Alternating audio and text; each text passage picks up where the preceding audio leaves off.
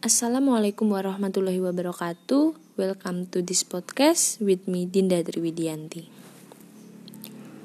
W sound, W sound, W. As in water, one, quiet.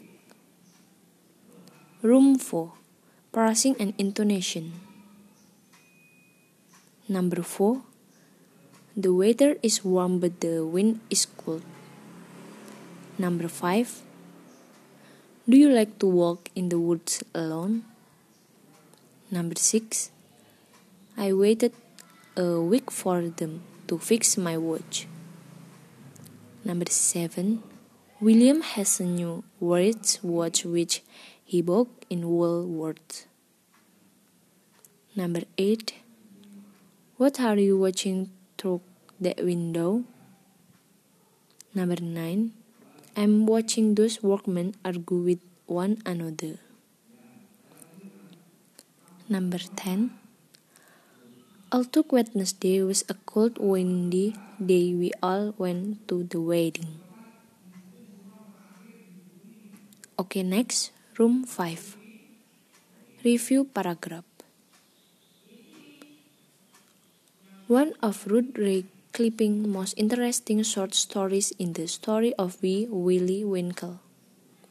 Wee Willie Winkie was a small boy whose real name was Percival William Williams. The word wee, of course, is an old Scottish word meaning very small. Wee Willie Winkie was given this name by the soldiers not only because he was small but because he was a great favorite of all the men in the regiment.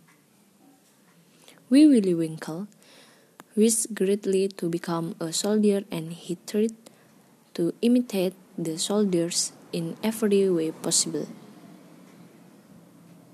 But one day, Wee Willie Winkie performed a wonderful deed.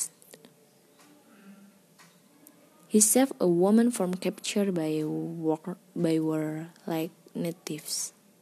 Watch over her until relief came.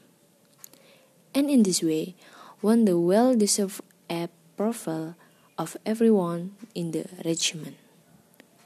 Okay, thank you.